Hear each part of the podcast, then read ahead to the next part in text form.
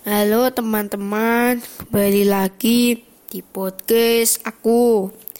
Di podcast kali ini seperti biasa aku akan menjelaskan tentang buah kecapi.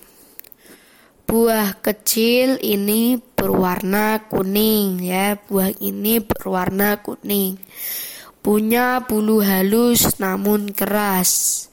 Buah ini mempunyai bulu halus tapi keras. Rasa buah kecapi yang sudah matang cukup manis. Jadi kalau buah kecapinya sudah matang, rasanya ini manis.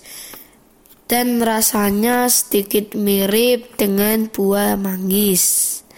Jadi buah ini e, rasanya sedikit mirip dengan buah manggis.